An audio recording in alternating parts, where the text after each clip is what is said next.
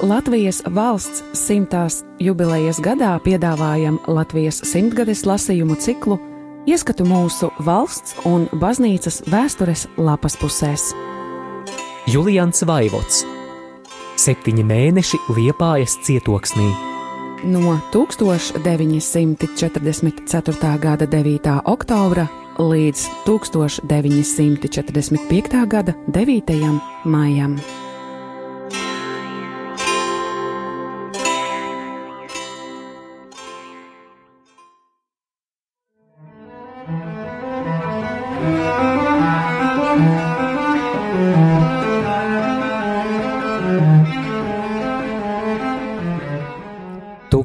1945. gada 12. aprīlī.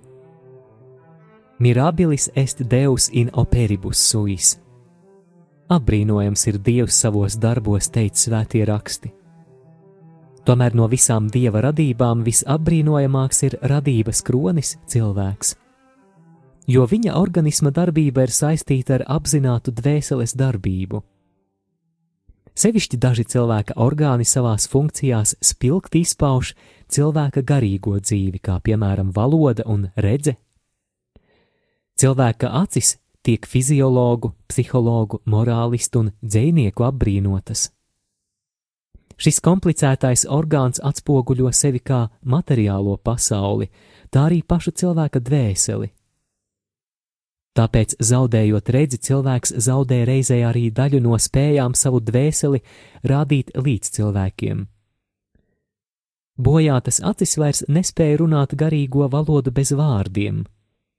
Viņas ne tikai neredz, bet arī nekā neizteic. Un cik savādi var redzes bojāšanās notikt? Šodien apmeklēju kādu slimnieci, pie kuras ienākot man sevišķi uzkrītošs bija viņas acu kustīgums un kaut kāds savāds, nekā neizteicošs spīdīgums. Citādi acis likās pilnīgi veselas. Tomēr slimniece izrādījās pavisam akla. Viņa redzi sabojājusi, iedzerot kādu indīgu šķidrumu, bet pēc tam pilnīgi izārstējusies. Tad sekojuši briesmīgie pārdzīvojumi sakarā ar pilsētas bombardēšanu pagājušajā rudenī. Sabombardēts viņas dzīvoklis, sakropļota slimnieces meita, kas vēl tagad guļot slimnīcā un no minētiem pārdzīvojumiem, acu gaisma sākusi pamazām zust. Aizgājusi atkal uz slimnīcu, bet ārstēšanās palikusi bez kādām sekām. Tagad slimā zaudējusi katru cerību vēl kādreiz skatīt dieva pasauli un redzēt saules gaismu. Viņas spožās un pēc ārējā izskata it kā veselās acis, savā neparastajā kustīgumā liekas, pastāvīgi tiecas pēc gaismas un to meklē, bet atrast vairs nevar.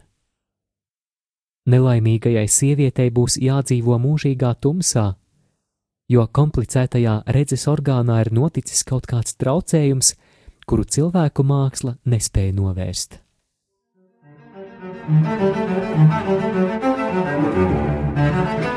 Thank you. Te spilgti parādās cilvēka nespēks salīdzinājumā ar to, kurš visa cēlonis un radītājs. Cilvēks savu roku būvētā mašīnā, lai tā arī cik komplicēta būtu, katru bojātu daļu var aizvietot ar jaunu.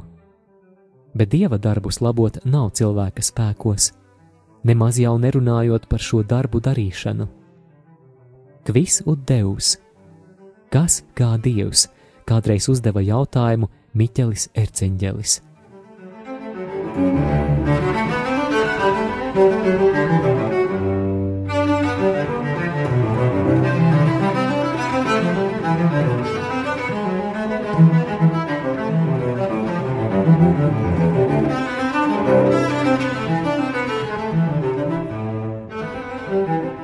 Tūkstoš 945. gada 13. aprīlī Šorīt pasauli pārsteidza ziņa, ka vakar pēcpusdienā miris ar trieku savienoto valstu prezidents Franklins Rūzvelts.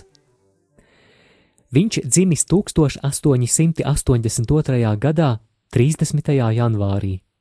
Pēc aroda advokāts, vēlāk pārgājis valsts administratīvā dienestā. 1921. gadā viņu ķērusi bērnu trieka, no kuras kāds vācu ārsts viņu izārstējis vismaz tik tālu, ka šī slimība nenoveda to pirms laika kapā. Rūzvelts ir pratis pat savu slimību izmantot popularitātes iegūšanai pie sensāciju kāriem amerikāņiem un izsist sev no tās politisko kapitālu.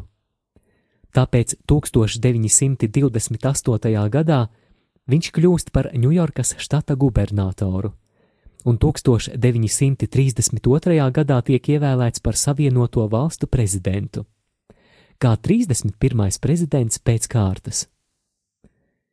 Izmantojot katru reizi attiecīgus aģitācijas paņēmienus, viņš vairāk kārt no vietas tiek ievēlēts tanī pašā amatā, tādā veidā laužot agrāko amerikāņu praksi, neatkārtot tās pašas personas ievēlēšanu prezidenta amatā. Priekšpēdējās prezidenta vēlēšanās viņš bija apsolījis amerikāņiem, ka Ameriku pasargās no ieraušanas Eiropas karā un savas tautas dēlus nesūtīs karot ārpus savas zemes robežām. Arī šo solījumu viņš nav turējis. Amerikai tagad šī karā pieder izšķiroša loma, bet galvenais likteņu lēmējs nav gribējis ļaut Rūzveltam noskatīties sava lielākā darba vai nedarba, kas to lai zina pateikt, beigu cēlienā. Šis ugunsgrēks tagad ir pārvērties stihijā un nocēst to nespēs neviens. Tāpēc Rūzvelta pēcnācējs, viceprezidents Harijs Trūmens, jau pasteidzies pasaulē pavēstīt, ka karš kā austrumos, tā rietumos tikšot turpināts ievadītā garā. Varbūt vēl miljoni kara upuru aizies Rūzveltam pakaļ viņā saulē, kā miljoni tādu paša kara upuru viņu tur sagaidīja. Interesanta vai ne būs viņu satikšanās? Jādomā, ka tie savu prezidentu un viņu pāragrās nāves sagādātāju nesagaidīs ar savienoto valstu himnu. Vispār tur pa galvu neglaudīs par tik daudz izlietām asinīm un asarām, kuras varēja cilvēcei aiztaupīt, ja mirušais prezidents sev piešķirto varu būtu izlietojis miera veicināšanai, bet ne kara kurināšanai. Katram, arī vismazākam pilsonim, ir nopelni pret savu valsti, jo lielāki tad ir tam, kas stāvēja veselas pasaules daļas priekšgalā. Tomēr visi šie nopelni nobāla milzīgā nozieguma priekšā, kāds ir pašreizējais karš, un kuru, ja nenovērst, tad vismaz saīsināt varēja tik spēcīgas un bagātas valsts galva. Tāpēc par šīs varas izlietošanu kara veicināšanai miljoni atraitņu, bāriņu, bez apgādnieku palikušo vecāku un neizprecētu līgavu mirušam pakaļ sūtīs lāstus un visa ļauna vēlējumus, kas kā mūžīgs sloks gulsies uz aizgājēja dvēseles. Arī gandrīz vesels ducis šī karā pēdiņās atbrīvotu lielāku vai mazāku tautu, Par līdz šim viņu labā padarīto nemaz nejūtas aplaimotas un nejutīsies savienoto valstu prezidentam pateicību parādā. Ja viņa pēcnācējs negriezīs visu līdzšinējo politiku viņām par labu, tad lielākā pasaules kultūrālā valsts pēc šī kara ieies vēsturē kā kaparacēja Eiropas tautām un tautiņām. Kam daudz bija dots, no tā daudz arī tiks prasīts. Kad dots bija daudz, To zina Dievs un visa pasaule. Bet Rūzvelta atstātais laicīgais mantojums virs zemes ir gaužām mazs. Tie, kas izmantodami aizgājēja labvēlību šī karā, ir profitējuši. Ar iegūtiem dolāru miljoniem turpinās savu noziedzīgo darbību arī tālāk, un ar to vēl vairāk padziļinās cilvēcei nodarīto pārestību. Tādā veidā tēvu grēki tiek piemeklēti vēl pie bērnu bērniem. Briesmīga lieta ir krist dzīvā dieva rokās, teica svētie raksti. Ar to pastrīpojot katra cilvēka milzīgo atbildību dieva priekšā. Ja nu katram vienkāršam cilvēciņam būs jānes tik stingra atbildība par sava personīgā nama turēšanu, cik liela tad būs atbildība par veselu tautu likteņu vadīšanu un tik milzīga nama turēšanu.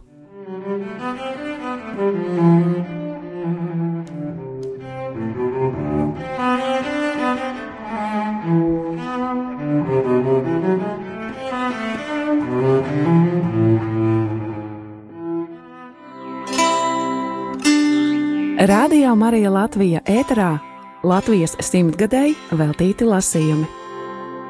Julians Vaivots Septiņi mēneši Liepājas cietoksnī. No 1944. gada 9. oktobra līdz 1945. gada 9. maijam.